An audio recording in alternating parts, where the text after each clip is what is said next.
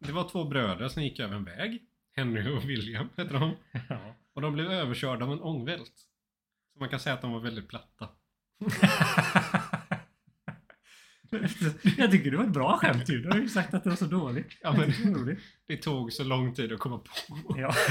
Jag, alltså jag har lagt flera timmar på och det bara står still i huvudet. Men är inte det lite typiskt för den här romanen? Väldigt mycket jobb för så lite utdelning. Jo, ja, ja verkligen.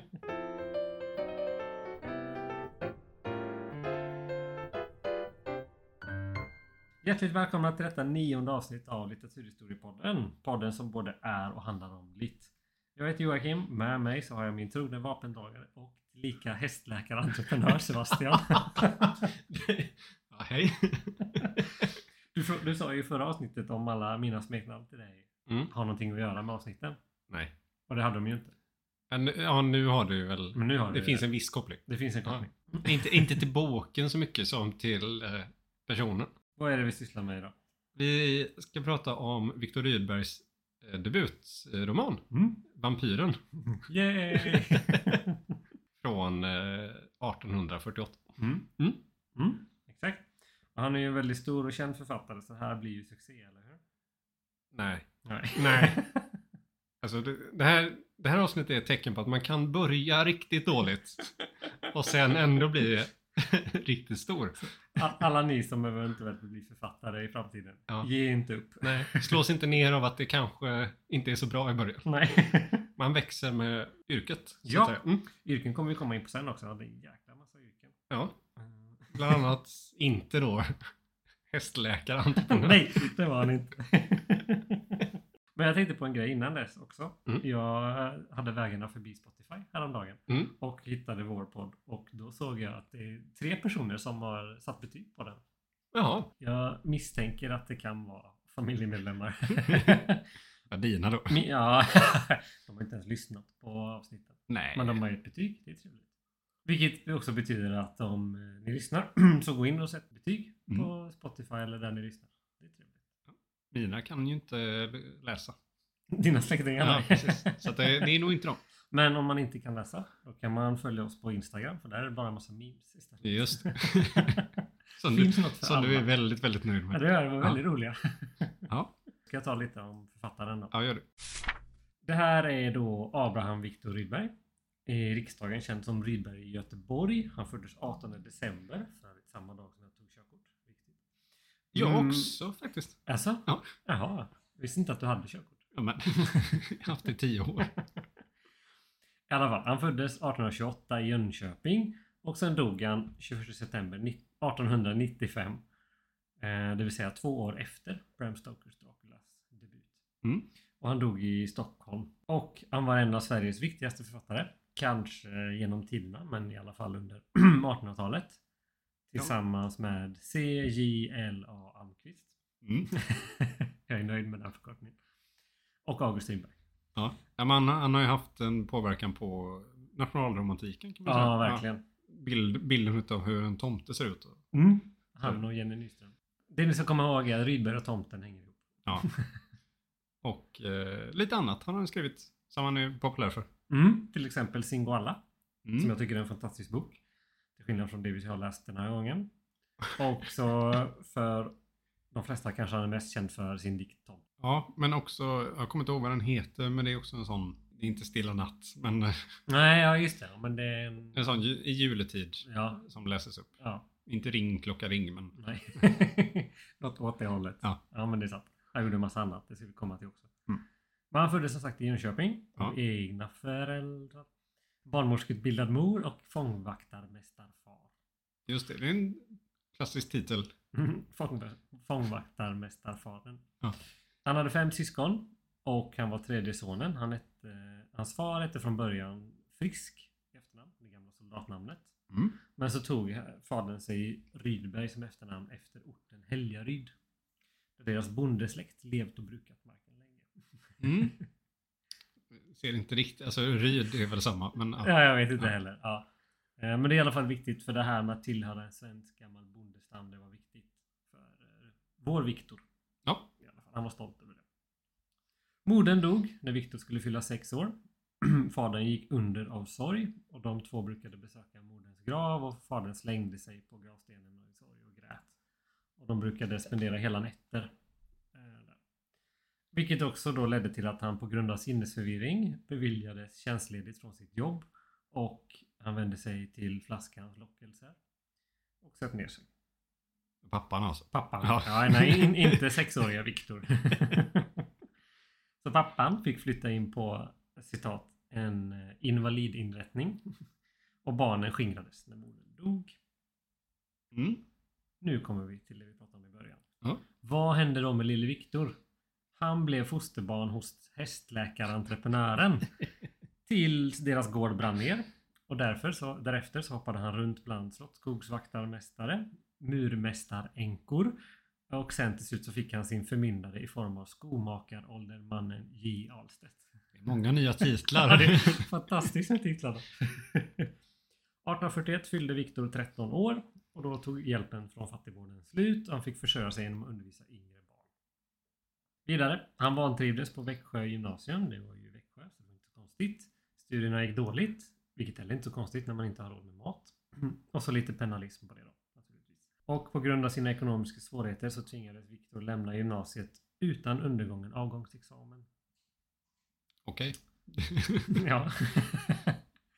Jag är snart klar. Han tog inte studenten alltså? Han tog inte studenten, Nej. men 1847 till 1851 så arbetade han på Jönköpingsbladen som journalist. Mm. Och det var där han publicerade sina första romaner som följetonger. Bland annat då, jag vill säga Tomten, men det heter inte, Vampyren Ja. som vi har läst. Eh, Och trots att han inte tog gymnasieexamen så pluggade han på universitetet i Lund Mm. i juridik, men tog inte examen där heller. Nej, nej. Han jobbade som informator. Men efter det så fortsatte han att arbeta som journalist. Bodde i gamla Sahlgrenska sjukhuset. På Jaha. Östra Hamngatan låg det. Mm. Och det var där tryckeriet låg så han sov på sin arbetsplats alltså. Eller bodde där. Just det. Hans rum när det tidigare var sjukhus där eh, hade använts som likbord och benämndes likrummet. Och där skrev han sina mest berömda romaner och mådde dåligt. Eh, inte bara på grund av då sitt citat eremitliv i Göteborg utan också citat bland själsfördärvande träskdimmor. Så han Ja, gillar ju inte. Göteborg Ja. så mycket. Nej, men jag tycker det är en fin beskrivning av Göteborg.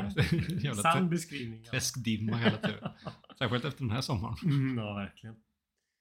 Eh, Men han mådde också dåligt för att han utropats som otroshjälte, ateist sanningsvrängare. Ja, just det. Och det var ju för att han gav ut en bok som hette Bibelns lära om Kristus. I vilken han förnekade treenigheten och hävdade att Jesus var idealmänniska, men inte gudomlig. Aj, aj, aj. Så kan man inte göra. Det är dumt. Nej, ja. Och det, den boken utkom 1862 när det inte var full religionsfrihet i Sverige. Mm. Också dumt. Mm. Han gifte sig 1879, flyttade till Stockholm. Han dog 1895 av åderförkalkning och diabetes. ja. Och eh, ett minnesmärke finns av honom på Östra kyrkogården i Göteborg. Mm. Vill du tillägga något? Han, han, han vill göra ganska mycket, Ja, alltså olika yrken. jag har en lista här Ja, på alla hans olika yrken. Ja. Han har med ganska mycket. Ett, Han var lärare för yngre barn än honom själv. ja, Två, Journalist. mm. Tre, Informator. ja. Fyra, Utrikesredaktör. okej. Fem, Kort men ändå giltigt. Ombud vid det allmänna kyrkomötet 1868. Okej, så någon slags politisk roll. Ja, Mm. ja. Riksdagsledamot i andra kammaren. Också en politisk roll. Japp. Föreläsare i filosofi och kulturhistoria vid Göteborgs universitet. Trevligt. Ja, det var väl inte universitet då, men... Nej, men Nej, exakt. ja. Vi förenklar historien. Ja. Och han avslutar sina dagar som skolinspektör. Jaha. Och författare då. och författare. Det Ja. kanske är det han är mest känd för. Ja, Inte jo. så mycket eh, skolinspektör. Nej, eller att han var riksdagsman. Ja. det visste jag inte. Jag har lite kuriosa Mm. om honom. Han var intresserad av magi. Ja, Jag har inget mer att tillägga där. Men mycket runor, det kan man också ana i hans Mm, andra ja. verk. Det här med ariska rasen och så vidare. han var lite inne på det har Mm. jag hört. Han var Ja. där och fulade. han var där och fulade. Bra ord. Bra verb. Men han var också översättare.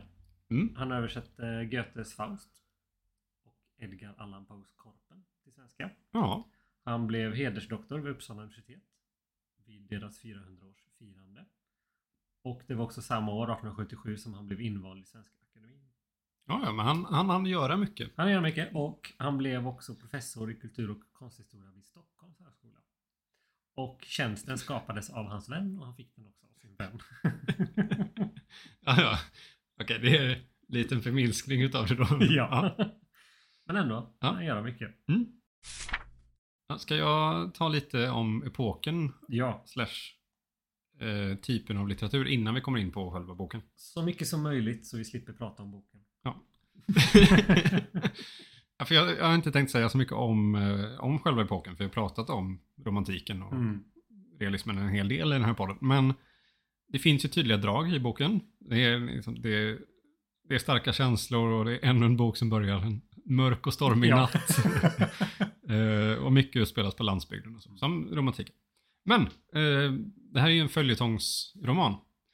Det vill säga att den publiceras eh, del för del i en tidning. Mm. Ehm, och den uppstår i Frankrike eh, i ja, 1800-talet.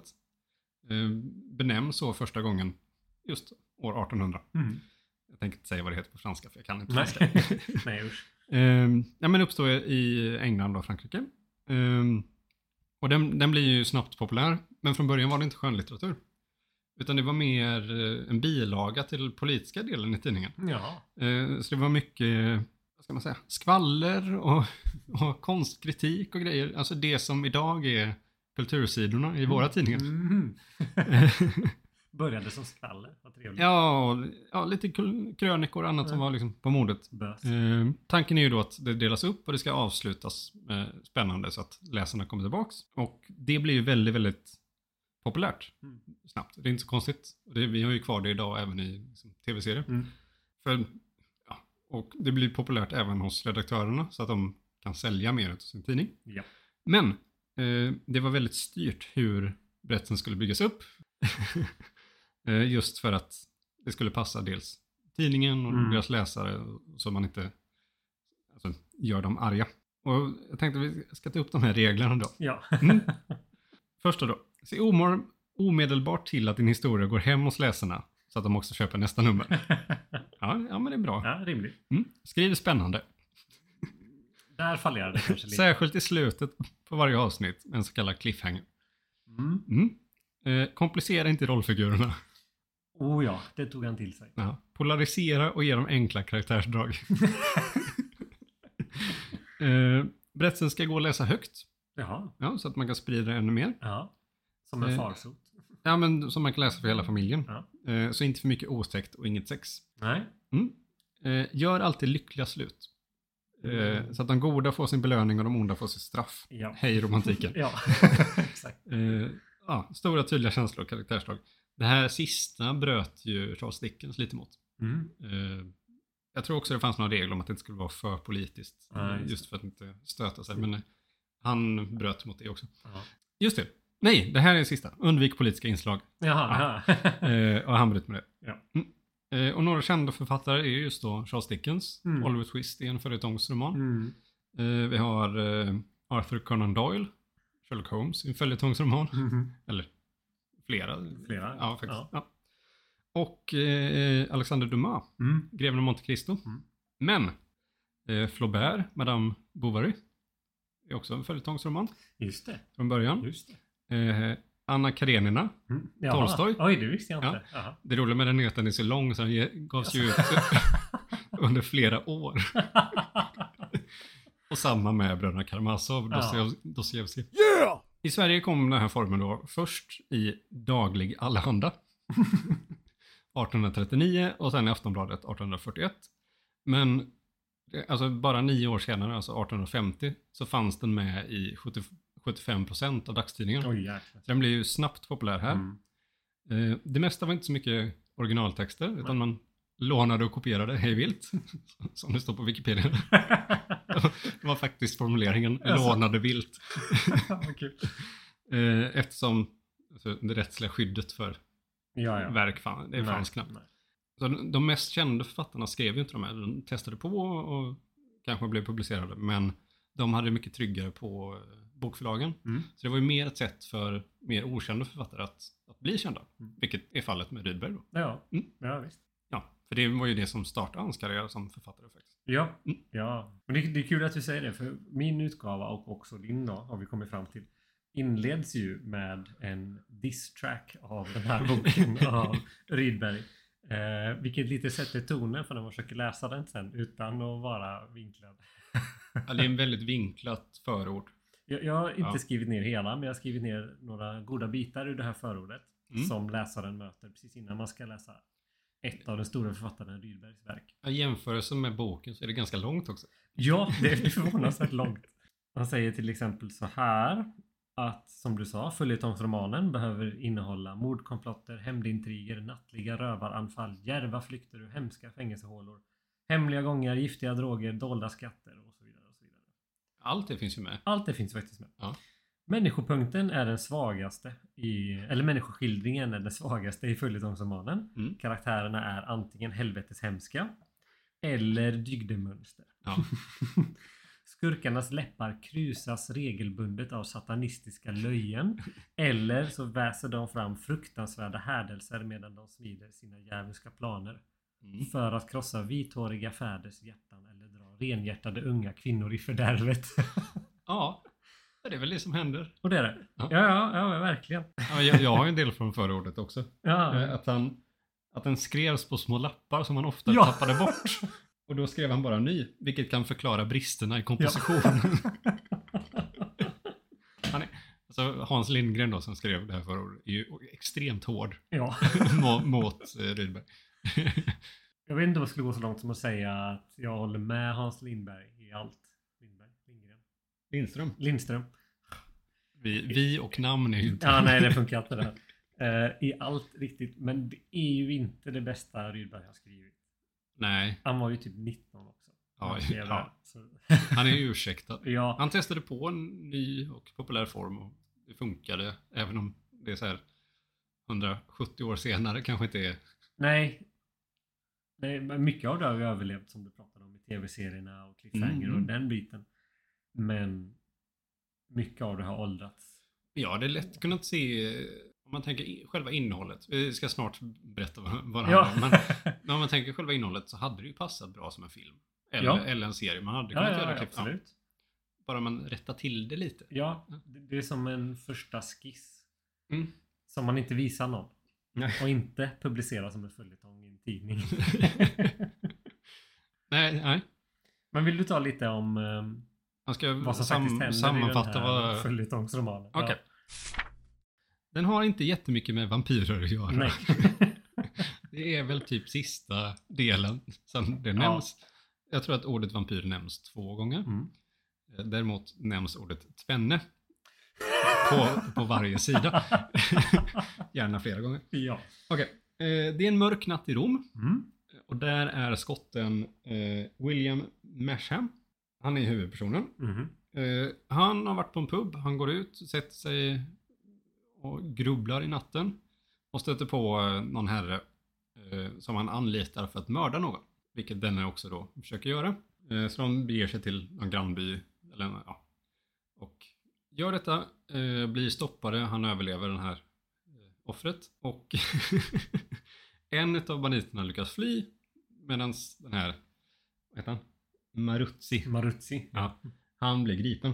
Och det här offret, så kommer det lite sidospår. Mm. Det offret blir god vän med en av de som räddade honom. Mm. eh, Som kommer in där på värdshuset och stoppar brottet. Men den här gode vännen, Ruttven eller vad Ja. hur man nu uttalar. Ja, han verkar också vara lite konstig. Han går Mm. ut själv på natten mycket och sitter gömmer sig. eller vad man ska säga. Ja, men han, han gör ju faktiskt, han gömmer ju sig. Han är lite speciell. Ja.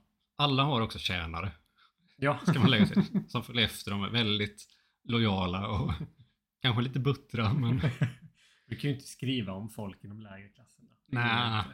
Ja, men de- de får ändå namn och Ja, karaktärsdrag. Mm, jo, visst. I alla fall, William då, han bestämmer sig för att frita Maruzzi från fängelset. Så han, väldigt smarta planen, han utger sig för att vara någon annan, går hem till fångvaktaren och eh, förför fångvaktarens dotter. Ja. Som är gammal. Ja, hon inte är- särskilt vacker. Hon är 39. Ja, just det. Mm. Ogift. Ja. Eh, och sitter bara och läser. Alltså hon Ja. är som Don, Don Quijote verkligen. Hon sitter Ja. bara och läser och fantiserar sig bort. Och där finns det ju ingen nyans alls i hur hon är. I alla fall väl inne i cellen, för han får följa med pappan då. Han är på sina rundturer i fängelset. och väl inne i cellen, för den här Maruzzi sitter högst upp. Alltså jobbigaste cellen. Med, Mm. Det är blytak och grejer så det blir riktigt varmt och kallt och jävligt. Eh, då avslöjar eh, Maruzzi honom. Och då har han med sig lite verktyg och grejer. Och då, de låser in sig själva i cellen och sen ska bryta sig ut via taket. Ja. Och då försöker pappan döda William för han är så bestört över den här lurendrejan som har lurat. Hans Ja. dotter. Ja. Men eh, ja, de lyckas fly över taket. Alltså, det- ja, det är så konstigt. Det här var ändå den bästa delen av boken. Ja, det, ja, det var jag. spännande. En liten prison escape Ja, mitt ja, i. ja. Och den var också ganska välskriven Ja, jämfört med mycket annat. det började lite humoristiskt när han beskrev den här stackars dottern som längtar efter en vacker riddare som kommer in och räddar henne. Hon heter också Margarita, vilket är väldigt roligt. Mm. Pizzan. Ja. också en ganska Tråkig pizza. Sen i alla fall så visar det sig då att det här offret, det är ju Williams bror. Ja. Och banditerna har lurat William. För han, ja, han kommer ju, de lyckas ju frita sig. Ja. Han reser hem, säger, säger till sin far att brodern är död och förlåt allt. Så att han ska få arvet. Banditerna lyckas ta sig dit med en apa. ja. Jättekonstigt. De också, den är, ja, Maruzzi då visar det sig.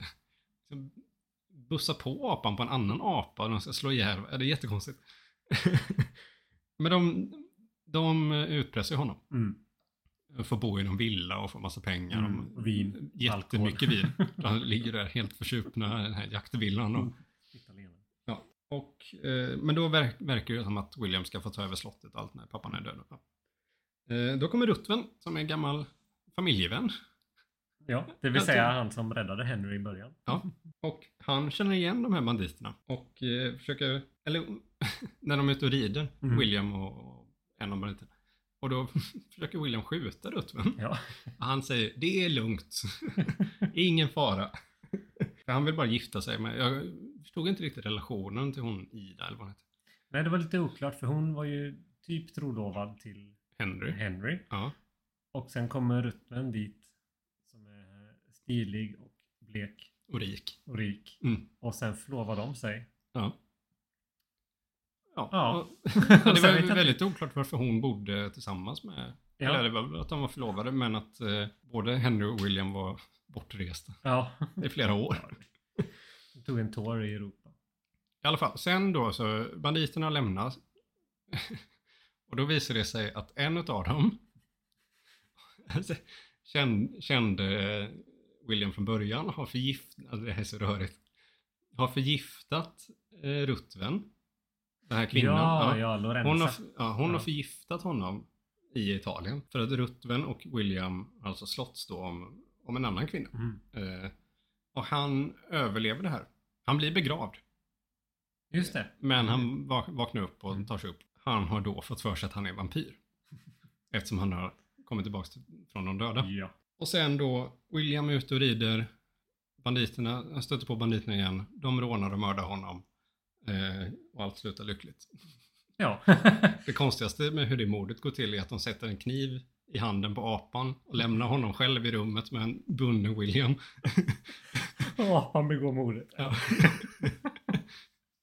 Så, alltså, det här, det här är så gott jag kan sammanfatta boken för den är lite plottrig. Den är, ja, men det ligger någonting i att den kan ha varit skriven på post-it-lappar som man har tappat. Mm. Eh, den är väldigt rörig. Det kommer tillbakablickar mitt i egentligen.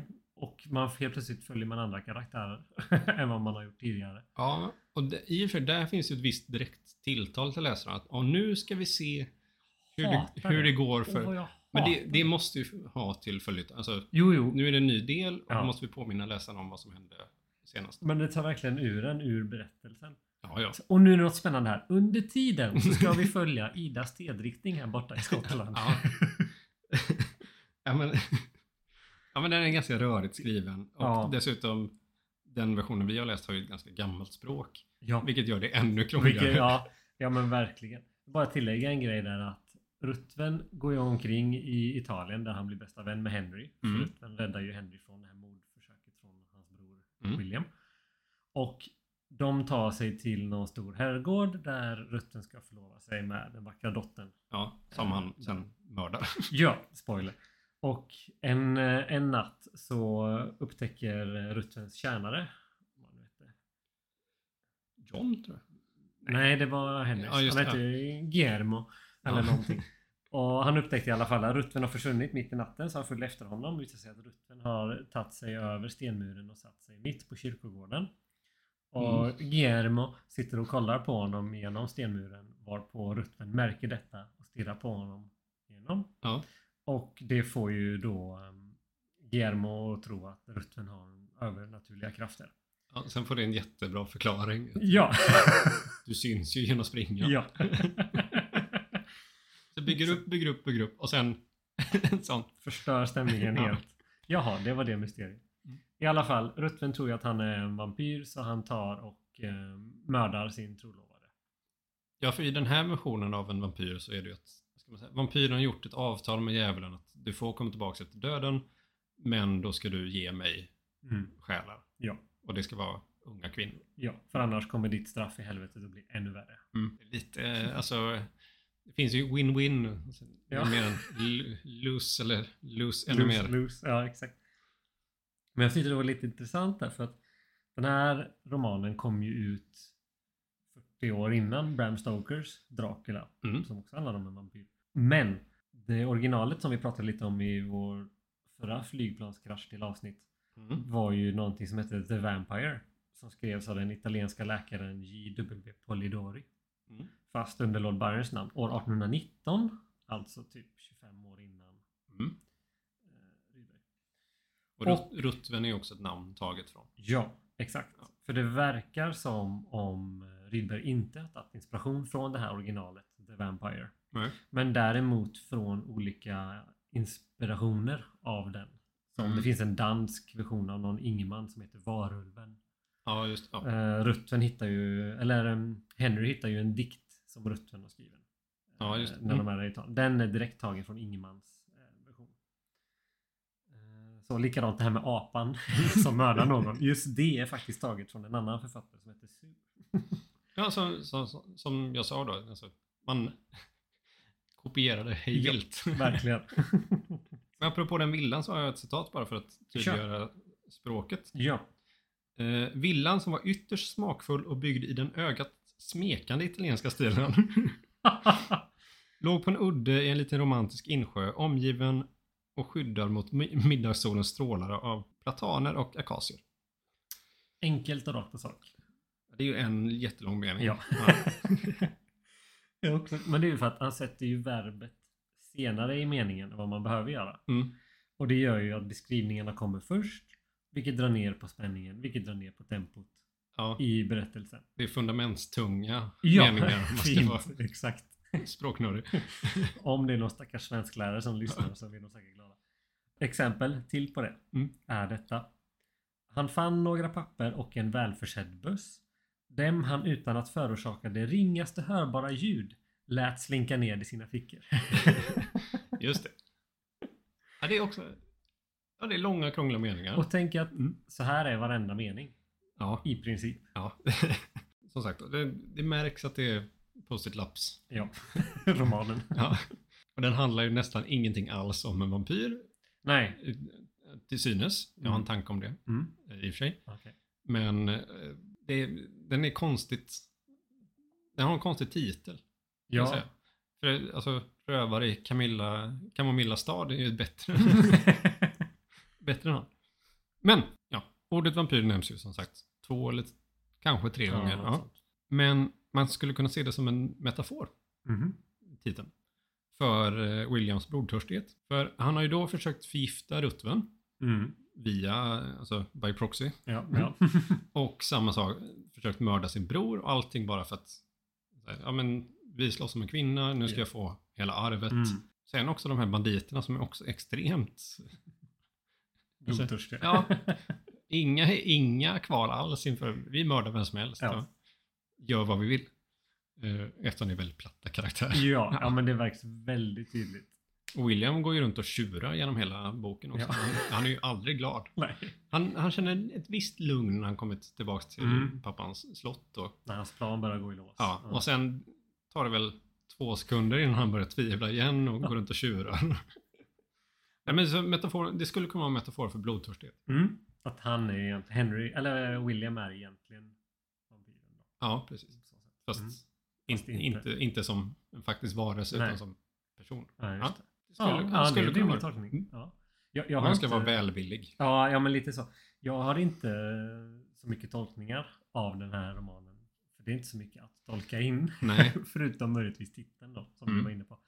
I övrigt så är ju karaktärerna superplatta. Det Mm. finns ingen, det är inte Game of Thrones, det är inga gråa karaktärer. utan man är, antingen så är man himmelsgod eller helvetesgod. Man ångrar sig aldrig. Nej. Och Rydberg gillar också att skriva läsaren på näsan väldigt mycket. Som när William kommer hem till sin fader och så tydligen så har fadern eh, skickat ut någon förbannelse Mm. över sin son tidigare. Och eh, William går fram och ber fadern om att häva den här förbannelsen och att han ska sköta sig och vara en Mm. god son. Vilket fadern gör. Och sen så står det någonting i stil med vad Rydberg har skrivit. Men naturligtvis menade William inte något av det här. Han är fortfarande genom rutten och ska, ska ju liksom sätta sina hemska planer i... alltså jag tänker också, eftersom, om man ska gå in på det bokstavliga om en vampyr, så Ja. är det ju en man som tror sig vara en vampyr. Han är Mm. ju inte det på riktigt. Nej. Det finns ju en film som handlar om det. Mm. Mm. Nicolas Cage har huvudrollen. Såklart. Ja. Eh, Vampires Kiss, Ja. jag tror den kom 88. Mm. Han är någon slags skivbolagsdirektör. Eller ja, är ganska liksom, framgångsrik så. Mm. Han ägnar sina dagar med att supa, knarka, engångsligg, gå på klubbar. Och när han eh, har dragit hem en kvinna då, så flyger in en fladdermus i sovrummet när de ligger med varandra. Och jag, det var länge sedan jag såg, men jag för mig att hon också biter honom lite sådär Mm. i sexakten. Ja. Eh, och han, han blir ju mer och mer galen genom berättelsen. Så pass, han går också i terapi och står och skriker på sin psykolog. Ja. Det finns en härlig scen när Nicolas Cage improviserar att bara skrika hela alfabetet. Ja, det är därifrån det kommer. Ja. Ja, han blir mer och mer galen. Ja. Och sen rakar han sig och råkar liksom skära sig lite på halsen. Och då får han för sig att det är där vampyren bet honom. Han tror ju att han har blivit biten av Ah. en vampyr och ska bli en vampyr. Eh, Den är inte alls inspirerad av Viktor Rydberg. Men, men det är också en man som får för sig att han är vampyr. Han, han går också runt och säger, när kommer tänderna då? Eh, och det kommer inga tänder så han går och köper sån här plast. Nej. Jo. Och många beskriver den en ganska dålig film. Mm. Men jag tycker att den är bra. Mm, Ja. Det, det är en mörk komedi ja. eh, utan några skämt. Eh, det är bara att det är Nicolas Cage som är helt jävla galen. Det låter ju fantastiskt. Det finns ju ett sånt klipp på YouTube. Nicolas Cage losing his shit for five minutes eller vad det är. Jag tror att halva det klippet är bara utklippta delar från Vampires Kiss. Ja. Okej. Eh, eh, ja, det var verkligen ett sidospår. Men... Mm, ja. ja men det, det, Viktor Rydbergs vampyr hade ju lika gärna kunnat heta Stråtrövarna. Ja. Eller så. Vampyren har en väldigt, han tror sig vara vampyr då, men han har en väldigt undanskymd roll. Ja, nästan ing- han har Nej. nästan ingenting alls att göra med förutom att han blir kompis då med offret. Ja, och, och, Och man, är ett offer själv. ja, ja, precis. Och om man tänker att det är en följetongsroman och man ska avsluta varje kapitel med en cliffhanger, man vill få läsarna tillbaka. Mm. Han lyckas ju inte särskilt mycket med det. Nej, just eftersom man ska Heller. skriva en på näsan. Ja, ja men Ja. exakt. Så, att, det finns ingen behållning i att läsa den här. Jo, annat än att skratta åt den.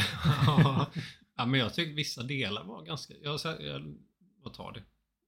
Tog ett par timmar Ja, exakt. och, och sträckläsa den här. Ja. Vissa delar var ändå helt okej. Jag tog väl en paus efter 45 minuter och sen Mm. kom tillbaka. till- Så, men det här var ändå helt okej, men strukturmässigt och språkmässigt så... Ja. För min del framförallt språkmässigt. Ja. Om man tar sig förbi de långa komplicerade förklaringarna, det onaturligt formella språket i hur adelsmän och stråtrövare uttrycker sig exakt lika formellt. Ja, och skriftspråkligt. Ja. Med de gamla verböjningarna också som inte finns kvar. Mm. De gåvor varandra någonting. Ja. Till exempel. Om man tar sig förbi det, då kan det ändå bli lite underhållande. Jag tyckte ju som sagt det här kapitlet med när William skulle rädda Maruzzi från Mm. fängelset. Det var det bästa. Och det är också spännande skrivet för att i början så vet man inte att det är William som kommer. Här, och då känns det också helt Ja, ja apart. Ja. Alltså, vad har det här med historien att göra? Men för att det är ingen förklaring till vem någon karaktär Nej. är egentligen. Nej. Och sen visar det sig och så Ja. det ökar ju faktiskt. Ja. ja, och det är lite spännande skrivet och faktiskt lite humoristiskt. Mm. I början, kommer du ihåg hur pizzadottern beskrivs från början? Jag kommer bara ihåg att de beskrivs som ful. Ja. Ja. I sin egen tanke var hon en skönhet. Tvärt emot vad hennes spegel uppriktigt tillstod. Ja, det är faktiskt bra. Det är Det är bra. ganska bra. Ja. En annan sak som gör det krångligt är att från början har karaktären nästan ingen namn. Och sen utan någon förklaring Ja. så får, ha- får alla namn helt plötsligt. Och, det är, och dessutom så ska de ha, ha namn på både engelska och italienska. ja, exakt. Man har ett namn när man är i Italien och sen ett annat namn när man är i Skottland. Ja. Vilket också rör till det mitt i boken. Ja, ja. Eh, Fast man fattar ganska snabbt. Man förstår vem det är. Det är inte Tolstoj. nej, nej. Det, hur många karaktärer var det? Hundra? Eller ett par hundra? Ja. Jag har ett annat citat, Mm. bara för att det är kul skrivet. ja. Eh, vad världen herr Andrea själv beträffar så hade även han fått sin del. Den gamle veteranen i dryckjom. Låg snart under bordet varifrån högljudda snarkningar lät att förnimma sig. Oj, oj, oj. De super ju ner honom. Ja. Eller... och det, det, här har, det, här är liksom, det här är en halv sida Mm. som inte har med någonting Nej. alls att göra utan det är bara som en miljöbeskrivning. Okej. Pipan är alltid ett trevligt sällskap Ja. och har så, har så, så som sällskap be- betraktat det företräder framför andra att den giver en sysselsättning, en förströelse utan att varken uppreta humör och känslor eller besvära hörselsinnet. En filosofisk anda intager alltid, fast i mer eller mindre grad den rökande. Och bland hundra skrifter har säkert de 90 sett sin första sol genom ett tobaksmoln. Det är fantastiskt. Det är två meningar. Ja. Jag vet vad den här berättelsen behöver, tänkte Rydberg. En sida beskrivning av piprökning. Ja, Dostojevskij. Ja, exakt. Men jag tycker också det är kul i början där när eh, Williams hantlangare hoppar på Henry Mm. på värdshuset. Eh, och så ska värdshusvärden försöka avskräcka det här bråket. Mm. Eh, då, vet du hur han uttrycker sig? Nej, jag minns inte det. Det är, det är inte fullt naturligt. Nej, det kan jag tänka mig. Han säger så här. Och tänk då att det här är värdshusvärden. Mm. Eh, de håller på att förstöra hans egenskaper. Det, eller egenskaper. Egendom. Kanske det också. Egendom. Ja. Ja, precis. Och han liksom full panik. Mm. Och då uttrycker han sig så här. I alla helgons namn mina herrar. Lugnen, sansen er. Som man gör mitt i Ja, ja, bråk. När de slår sönder bord och grejer. Men jag, jag brukar inte kommentera så mycket på språket om det är ålderdomligt. För det säger inte någonting. Nej, nej. Det är precis som när vi säger till våra elever när de ska skriva en analys Mm. av en bok. Språket är gammalt. Ja, no shit Sherlock. Menar du det? Det är en gammal bok. Ja, exakt. Även om den kom ut 2006. Mm. I alla fall. Så vissa uttryck har fastnat med mig. Så jag tycker de här var lite roliga. Mm. Så vi ska göra ett test och se om du vet vad de betyder. Mm. Eh, Ja. du, du kommer att känna det. Ja. Eh, Maruzzi blir kallad för ärkeskälm. vet du vad det innebär? Eh, men det må, alltså... Någon som skämde, alltså... Alltså jag fattar ju att det är negativt. Mm. Ärke är ju blir något förstärkningsord. Ja. Alltså skälm. Ah, ja, men skurk. Ja. Av något slag. Någon skurk. Ja. Och sen har vi mitt favoritord. Marktschreiere. Kanske. Marktschreiere. Jag vet inte Nej, vad det vet säger. jag inte. Tyskt. Det betyder eh, kvacksalvare. Ja, Eller kringresande försäljare av kramvaror. just det. Jag, vad var Just det! Ett ord som kommer till mig nu. Eh, när William då är med den här Margarita. Han tycker inte om henne alls. Nej. Och när han går därifrån, hon, hon vill ju bara vara med honom, så kallar hon, eller han kallar henne viskande då för sig själv, jävla pulverhäxa. Ja, ja just det. Och vet du vad det betyder? Häxa, antar jag. Pulver? Ja, det är också kvacksalva eller någonting. Ja, alltså se, jag vet inte om det är senare, men då betyder det prostituerad som säljer sig själv för knark. Jaha, oj oj oj. Men jag tror, jag tror att det då kanske mer var bara nedsättare för alltså någon sån här kvacksalvare. Typ. Ja. Ehm, sen är det också ett ord i början av boken. Han, då ska man beskriva vad är det för modell av pistol han har. ja, just det. Just Det är det. något tyskt. Ja, jag kommer inte ihåg. Nej, men det... Men det, jag fick slå upp det, minns jag. Ja. Det är, viktigt att man har exakt rätt modell. Ja, här var det verkligen. Man hade kunnat skriva pistol. Ja, ja. Mm. Ja, ja, visst. Det spelar ju verkligen... Okej, Ja, det är en, ja, en liten tysk Ja, tillverkad precis. pistol ja, Som han gick runt med William. Eller om Rydberg hade skrivit det så hade det varit någonting i stil med en liten i Tyskland tillverkad pistol. Nej, det måste vara ännu mer. Av, av flinka fingrar. ja. det är också kul. Jag stötte på uttrycket att ge någon korgen i boken ja, mot slutet. ja, men det tror jag att jag har hört tidigare också. Men jag kommer inte på vad det är. Alltså, ja, men det är alltså neka någon. Ja, exakt. Neka, avstå. Det har jag nog inte hört innan. Jag funderar på var, var det kommer ifrån. Men det vet jag inte. Nej, det kan vi spekulera om länge. Men... Ja, kommer min sambo och säger varför kollar ni inte upp någonting innan? Borde jag ha gjort. Ja men, det väl, ja, men jag tror jag ska inte göra det själv, du får göra det. Och så ger man bort korgen om man ska gå och plocka okej. ihop något. Ja, Eller? kan vara. En vild gissning. Men som ni märker då så språket är kanske inte det bästa. Även om det man, ibland blir lite humoristiskt. Ja vissa, Så vissa alltså den här pip, pipan som beskrivs är Ja. väldigt, Ja, det... ja, det är vackert Rörigt. skrivet och Ja. så. Men, men oftast gör det att det blir väldigt rörigt. ja, Och det, det kan också bara vara att det är gammalt. Så kan det vara. kan vara. Men jag har ju läst Singoalla. Mm. Eh, hans, en av hans andra romaner och den är ju mycket, mycket bättre skriven.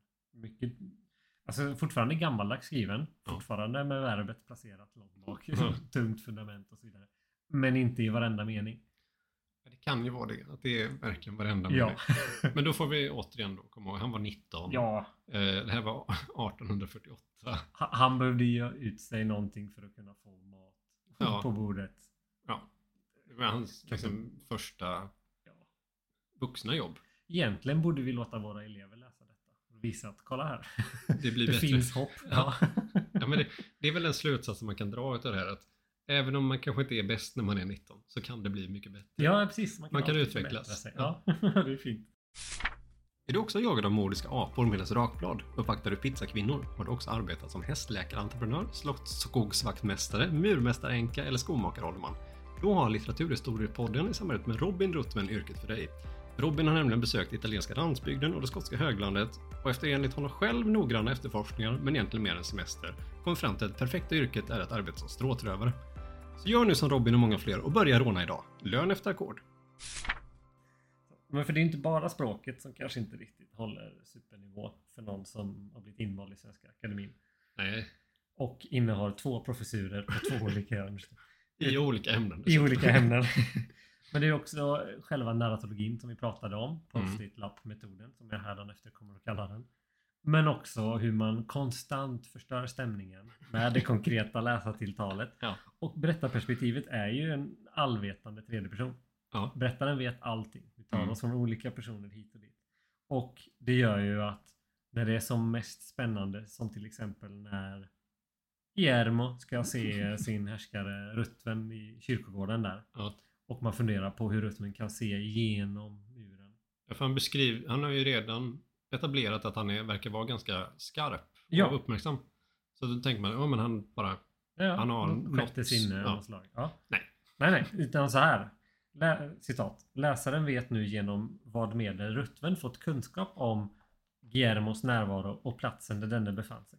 Men denne senare kunde själv omöjligen begripa det, vilket också ännu mer ökade hans förskräckelse. Mm. Jo visst, Guillermos förskräckelse, men Ja. inte läsarnas. Nej, det är spännande- Vi blir inte... spännande för karaktär. ja, exakt. Han har vänt sig till fel publik. ja, Nej, så summa summarum. Bästa boken vi läst? nej. Nej. Nej men det, alltså, ja. Men däremot ett tydligt tecken på att man kan bli bättre. ja, men kul att ha läst. Ja, faktiskt. Men jag skulle inte önska min värsta fiende. Robin, läs boken. Du sa för någon minut sedan, Vi kanske ska låta eleverna Jag läsa den. vet. Det är kul att ha läst den som alla klassiker. Mm. Ganska tråkigt att läsa den. Skönt att det inte tog så lång tid då. Ja, jag håller Skönt att det var en kort en liten novella Ja, som heter på engelska. ja. Vad händer nästa tillfälle kommer jag säga för det kommer att dröja lite till nästa gång. Ja, det är väl, eh, hur ska man säga, Sverige, nej inte Sverige, böckerna som byggde Sverige. Ja, ja men lite så. Böckerna som formade Sverige Mm. har vi ett projekt. Mm. Eh, som vi har tänkt göra. Då har vi valt ut ett antal böcker. Skönlitterärt och faktaböcker. Ja. Som på något sätt har påverkat Sverige. Gamla läroböcker bara. Enbart gamla läroböcker. En är ju faktiskt En är ju faktiskt en lärobok. Ja, men det blir väldigt brett. Det blir någon lag och det blir lite barnböcker. Och det blir... mm. Och då har vi inte läst samma heller, så det blir lite mer som Bröderna Grimm. Mm. Vi berättar för varandra. Ja, Eh, så, så vi får också få något nöje av det här. ja, och det kommer väl ta drygt en månad. Nästa tillfälle. Nästa tillfälle. Ja. Mm. Håll koll på Instagram. Vad mer? Facebook, Twitter. Flaskpost Flaskpost framför allt. Där är vi som mest spelade. och aktiva. och aktiva. Kolla i närmsta vattendrag. Ja. Litteraturhistoriepodden i ett vattendrag nära dig. Mm. Med Näckenpodd. Klipp, det, klipp allt. Nej. Tack för att ni har lyssnat. Ja, tack så mycket. Ha det gott. Hej.